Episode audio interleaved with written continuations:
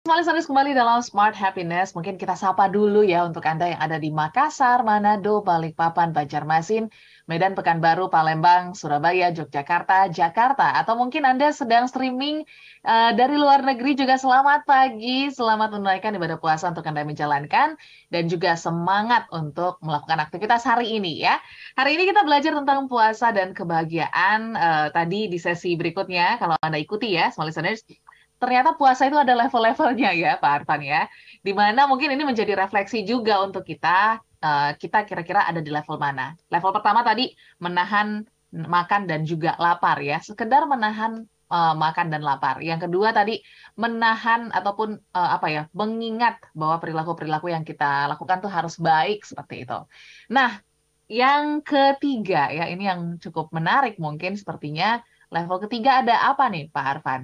Silakan. Ya, terima kasih banyak Audrey ya. Jadi kalau level 1 itu hanya puasa fisik saja. Yes.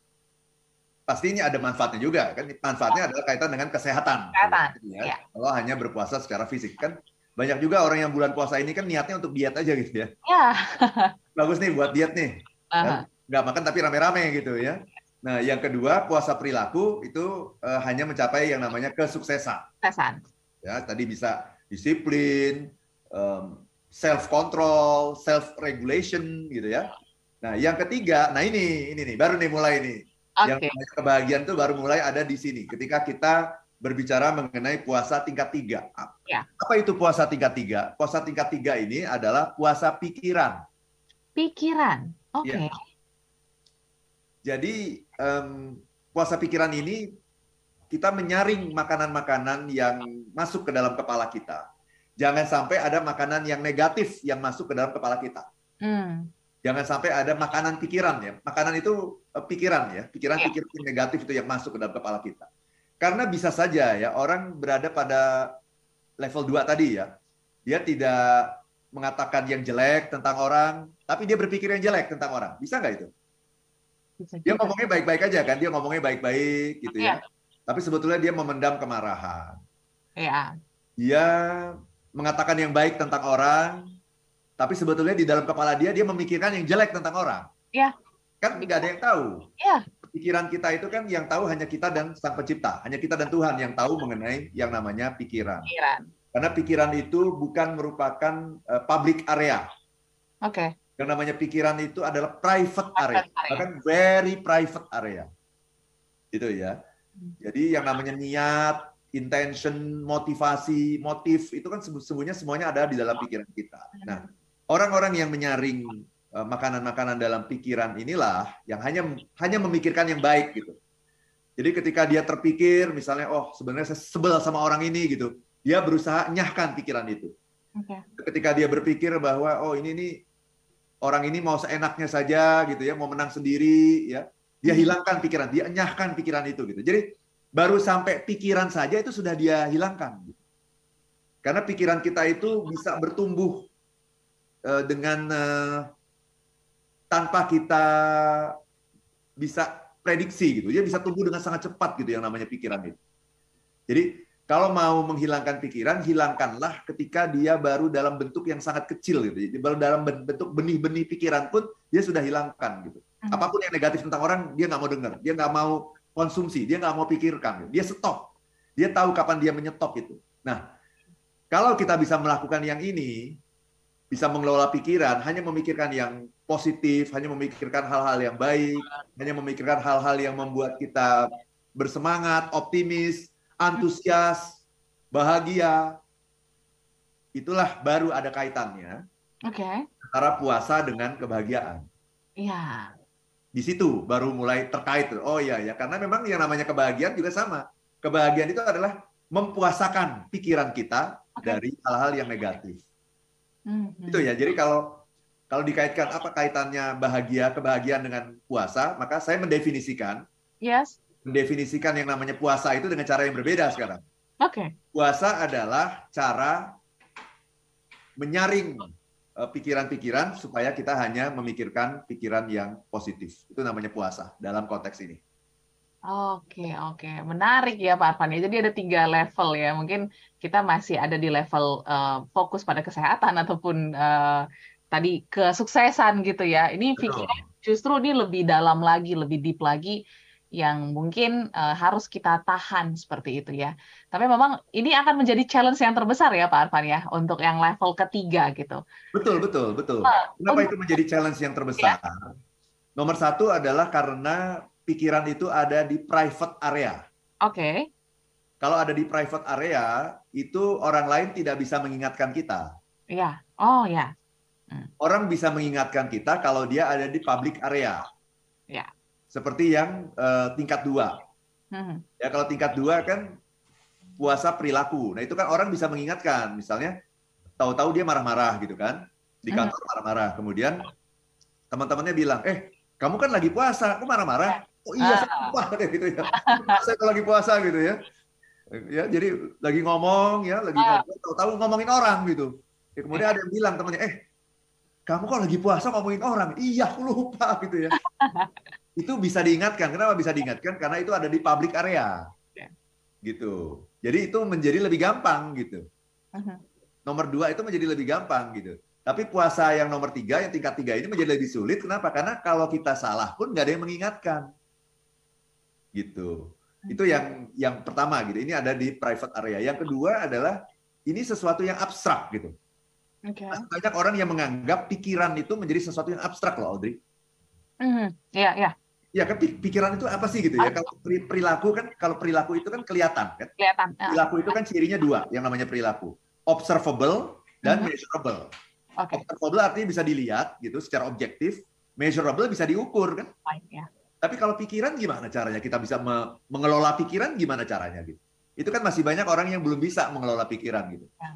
Padahal sebetulnya inti atau kunci dari happiness itu ada di pikiran, bukan di perilaku. perilaku. Nah itu. Makanya nanti kalau uh, minggu minggu depan ini saya akan bikin workshop ya yang ya. namanya Seven Laws of Happiness. Yes. Itu rahasia hidup yang bahagia. Nah, hmm. Seven Laws of Happiness ini ini bicara mengenai bagaimana mengelola pikiran ini. Okay. Supaya pikiran-pikiran kita itu bisa kita analisa gitu. Hmm. Jadi pikiran itu Audrey, sebetulnya pikiran itu adalah benda benda yang bisa dibikin konkret, bukan oh. abstrak. Yeah. Cara bikin konkretnya gimana? Caranya adalah kita tulis. Apa yang ada dalam pikiran kita itu kita tulis. Mm -hmm. nah, kita tulis, kita baca. Nah, ini berarti sesuatu yang konkret. Pikiran itu kan konkret. Ya. Ya. Yang yang mengatakan pada kita misalnya hari ini ya. Oke. Okay. Pikiran Audrey adalah misalnya tadi pagi Audrey kamu bangun pagi gitu kan. Mm -hmm. Audrey hari ini kamu ada talk show Smart yes. Happiness jam 7. Berarti kamu harus berangkat dari rumah jam 5 katakanlah supaya sampai di studio tepat pada waktunya. Jangan sampai telat ya Audrey. Itu kan yeah. sebenarnya sebuah pikiran yang ada dalam pikiran Audrey. Mm-hmm. Tapi ketika masih dalam pikiran itu abstrak. Okay. Nah, ketika Audrey coba tulis, itu kan jadi konkret kan? Yes, yes. Nah, kemudian kita lakukan analisa. Itu yang yang namanya content analysis. Mm-hmm. Kita melakukan analisa untuk melihat apakah pikiran ini eh, positif atau negatif. Pikiran yang menguatkan kita atau melemahkan kita. Itu kita analisa nih. Nah, itulah nanti yang akan kita lakukan kalau teman-teman ikut workshop di hari Jumat Jumat dan Sabtu minggu depan ya, selama enam ya. jam kita akan belajar mengenai happiness yang dimulai dari menganalisa pikiran ini. Okay. Karena kunci dari happiness itu sesungguhnya adalah menganalisa pikiran ini. Jadi melakukan content analysis uh-huh. terhadap pikiran yang merupakan sumber dari segala sumber kebahagiaan itu adanya di, di kepala kita. Uh-huh. Nah puasa dalam konteks itu, ketika kita bisa menyaring makanan-makanan yang masuk ke dalam kepala kita hanya yang positif, itulah yang sangat strongly related dengan yang namanya happiness. Oke, okay, ya ini so. menjadi satu topik yang menarik ya, Seven Laws of Happiness karena uh, seperti yang Pak Arfan bilang, kalau kita masih sampai level 2 ataupun satu, satpamnya banyak ya Pak Arfan. Kalau ini kan satpamnya kita sendiri gitu ya. Iya yang betul. Kan, ya. Betul, uh, betul. Jadi penting untuk kita bisa menyadari sebenarnya makna pikiran-pikiran kita itu seperti apa sehingga Eh, pikiran-pikiran uh, yang negatif ini bisa dikurangi, yang positif makin diperbanyak lagi seperti itu ya. Oke, okay. Nanti mungkin infonya boleh di-share ya Pak Arfan setelah yang ya. satu ya. ini. Tetapi kita okay. juga mau menjawab pertanyaan yang juga cukup menarik masuk pada pagi hari ini Pak Arfan. Nanti juga kita akan bahas. Audrey bacakan dulu dari Pak Andre ya. Uh, Pak Arfan, bahagianya itu kan harusnya kalau sudah lebaran saja, karena kan lebaran itu identik dengan hari kemenangan. Kita udah selesai gitu ya, menuntaskan lah uh, semua hawa nafsu ataupun melawan godaan-godaan gitu ya. Apakah ini mindset yang juga cukup tepat atau justru kebahagiaan itu harus space-nya dari justru mulai dari puasa baru nanti makin bahagia lagi di hari Lebaran. Kita akan jawab setelah break sejenak, jadi pastikan tetap bergabung bersama kami dalam Smart Happiness. Smart listeners, kembali uh, bergabung dalam Smart Happiness. Tadi kan Audrey sudah ingatkan ya untuk mengisi polling. Ternyata uh, pollingnya berjalan cukup baik ya Pak Arfan ya, karena ternyata Uh, sudah 83 persen um, pendengar kita merasakan bulan puasa itu penuh kebahagiaan dan oh, okay. 17 persen biasa saja, 0 persen kurang bahagia. Jadi okay. semoga yang masih biasa saja ini bisa beralih gitu ya ke beralih, ya. kebahagiaan. Ya. Yang penting sudah diakui dulu ya. Mindset, uh, Yes, mindset ya. gitu. Tapi ini juga menjadi pertanyaan menarik dari Pak Andre ya di WA kita Pak Arfan. Kan kalau misalnya kita bilang bahagia ya mungkin ada ada selebrasi gitu ya, seperti kemenangan. Momen Idul Fitri itu kan uh, apa ya identik dengan hari kemenangan karena kita sudah uh, menuntaskan lah uh, ataupun uh, melewati tantangan-tantangan di bulan puasa. Apakah kemenangan ini memang har uh, sorry kebahagiaan ini dirasakan di Idul Fitri nanti gitu ya atau justru memang harus dibangun gitu ya sejak dari bulan puasa dan akan meningkat lagi di hari raya Pak Arfan silakan. Ya terima kasih banyak Audrey ini konsepnya salah. Oke. Okay. Kalau kita puasa setelah menjalankan puasa sebulan, mm-hmm. berhasil nih menjalankan puasa sebulan, itu Anda sukses namanya. Oke, okay, sukses ya. Sukses. sukses itu kan adalah apa? Sukses itu kan mencapai hasil. Berhasil, aha berhasil. Sukses itu kan berhasil. Ya. Sukses itu kan ketika Anda sampai di tujuan. Mm-hmm. Itulah sebabnya hari Idul Fitri itu disebut sebagai hari kemenangan. Kemenangan. Men menang ya. itu gimana? Menang itu kan sukses kan? Iya. Menang itu sukses loh. Mm-hmm. Jadi sudah sukses nih, berhasil menahan hawa nafsu, mengendalikan diri, mengendalikan pikiran selama bulan suci Ramadan. Anda sukses. Mm-hmm. Jadi hari kemenangan itu adalah hari kesuksesan sesungguhnya gitu. Jadi kebahagiaan itu adalah dalam perjalanan. Mm-hmm. Itu tadi ya kayak Audrey berangkat dari rumah, kapan disebut sukses? Kalau sudah nyampe studio. Yes. Terus da- dalam perjalanan itulah yang namanya bahagia. Apa itu bahagia? Bersenandung, bergembira. Wah, aku mau jadi host Smart Happiness lagi nih pagi ini gitu. Wah, aku udah udah nyiapin topik yang bagus nih kemarin nih. Aku udah tahu nih aku mau ngapain aja gitu. Dan aku akan bahagia sekali ketemu dengan pendengar di seluruh dunia gitu ya. Jadi belum nyampe itu itu itu, itu belum nyampe studio gitu, tapi udah gembira. Nah, itulah yang namanya happiness. Happiness itu dalam perjalanan. Jadi mari kita isi bulan Ramadan ini selama 30 hari ini dengan penuh kegembiraan. Sehingga nanti kita bisa mencapai hasil yang akan kita rayakan kemenangan kita, kesuksesan kita di bulan di tanggal 1 eh, Syawal di Idul Fitri. Nah, ketika sudah sukses itu, ada bahagia lagi nanti akan muncul. Oke. Okay. Itulah yang namanya happiness level 2. Nah, itu nanti. Happiness level 2. Jadi, happiness level 1 uh-huh. adalah happiness sebelum sukses. Oke. Okay. Happiness level 2 adalah happiness sesudah sukses. Uh-huh. Itu Audrey. Oke, oke. Jadi ini mindset yang harus dibenarkan gitu ya bahwa ketika kita selesai gitu ya menuntaskan atau menjalankan ibadah puasa dengan baik itu maknanya adalah kesuksesan bukan iya. bahagia. Kesuksesan. Benar, benar seperti itu. Oke, Pak Arman kita beralih lagi ke YouTube. Ini ada pertanyaan juga yang uh, berkaitan dengan breaking news tadi ya, Pak Arfan ya. Oh ya. Cukup menarik dari uh, Pak Taufan MH. Pak Arfan, apakah kebahagiaan berbanding lurus dengan kedermawanan? Karena sekalipun Indonesia berada di urutan 84 ya dari uh, kebahagiaannya, tapi urusan dermawan nih Indonesia nomor satu loh di dunia. Gimana tuh Pak Arfan? Apakah ada kaitannya atau tidak? Saya nggak tahu ya apakah ada penelitian okay. itu ya mengenai generosity di yes. Indonesia seperti apa gitu. Tapi bahwa orang Indonesia itu dermawan iyalah ya. Saya saya mengakui itu ya. Itu kan feeling kita ya. Tapi kan kalau yang namanya penelitian itu kan harus ada bukti secara empiris ya, dan dibandingkan dengan negara lain seperti apa gitu. Tapi kalau saya sih menduga kenapa Indonesia itu ada di nomor 84 itu adalah karena korupsi itu yang masih merajalela gitu. Ya dan sekarang ini kan sekarang ini kita sudah mulai lupa lagi nih. Ya, hmm. kemarin kan sempat Mario Dendi itu pahlawan loh sebenarnya ya. Yes, membuka banyak itulah ya. yang ya dengan kebrutalan Mario Dendi itu akhirnya membuka semua ya. ya. Tapi kemudian kan sekarang udah mulai adem lagi Audrey. Yes. Uh-huh. Sekarang udah mulai adem lagi nih. Saya terus terang saya sudah mulai resah lagi nih sekarang ini. Kenapa okay. udah adem lagi nih? Yeah. Dan sekarang ini malah yang terkenal itu himbauannya adalah hidup sederhana. Uh-huh. Jangan salah loh, hidup sederhana itu flexing juga loh. Ya. Benar nggak? Iya, yes. iya. Flexing itu, Audrey, flexing itu bukan hanya mem memamerkan harta. Memamerkan, memamerkan bahwa, eh, saya sederhana loh ini. Iya. Saya sederhana, itu flexing loh. Uh -huh. Itu flexing sederhana dalam rangka menyembunyikan harta yang begitu banyak itu disembunyikan. Ya. Itu flexing loh, jangan salah. Sekarang ini tren flexingnya sudah sudah berubah. Kalau kemarin tren flexingnya adalah memamerkan harta, sekarang tren flexingnya adalah hidup sederhana supaya kamu aman. Jangan sampai seperti Rafael Alun Trisambodo gitu. Oke, ini bahaya juga. Saya, saya kira itu yang membuat ya. Indonesia itu ada di level uh, nomor 84 karena persepsi orang akan korupsi itu uh, masih tidak memuaskan di sini gitu ya. di Indonesia ya. Demikian Audrey.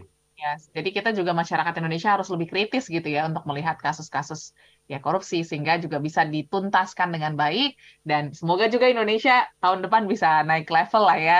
Iya, kita harus harus jadi pressure group gitu. Yes. Uh, kita harus memberikan tekanan-tekanan gitu kepada pemerintah, kepada para pejabat gitu. Tekanan bukan hanya tekanan untuk hidup mewah, apa untuk hidup sederhana, tapi tekanan untuk tidak korupsi gitu.